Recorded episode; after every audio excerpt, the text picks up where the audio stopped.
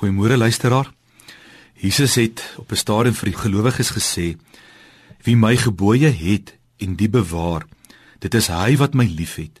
En wie my liefhet, hom sal my Vader lief hê en ek sal hom lief hê en my aan hom openbaar. Ek onthou 'n storie van 'n predikant wat eendag vertel het van 'n oom by wie hy gaan huisbesoek doen het. Die oom was nie baie lief vir kerkbywoning nie en hy het lank nagedink oor wat hy vir die oom moet sê En toe besluit hy om Johannes 14 vers 21 vir die oom te lees. En nadat die oom vir die predikant koffie gemaak het, lees hy die gedeelte en sê vir die oom: "As oom nie kerk toe kom nie, gaan oom nooit die gebooie van die Here hoor nie." "Nee," sê die oom.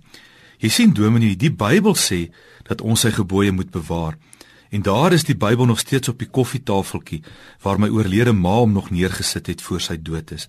Ek bewaar hom mooi. Ek dink nie die oom het die gedeelte reg verstaan nie. Om die gebooie van God te bewaar beteken nie om die Bybel in die boekrak of op die koffietafel te sit nie. Dit beteken eintlik om God se gebooie naby jou hart te hou, daaroor te dink en gehoorsaam te wees daaraan. Ons moet dus naby God se woord leef. Dit is hoe ons liefde vir God bewys.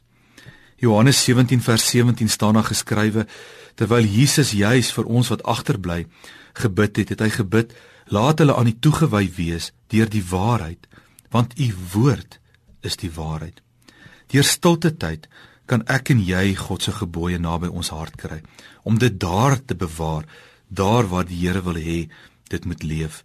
Wanneer ons dit doen, word die laaste gedeelte van hierdie vers dan waar en dan sal ek my aan hom openbaar. En dit is nodig vir ons verhouding met God om stil te word met sy woord. Dit is nodig sodat God hom aan ons kan openbaar. Ons het dikwels in ons lewe so behoefte om van hom te hoor en van hom te beleef en dit is hier wanneer ons stil word dat God homself aan ons sal openbaar.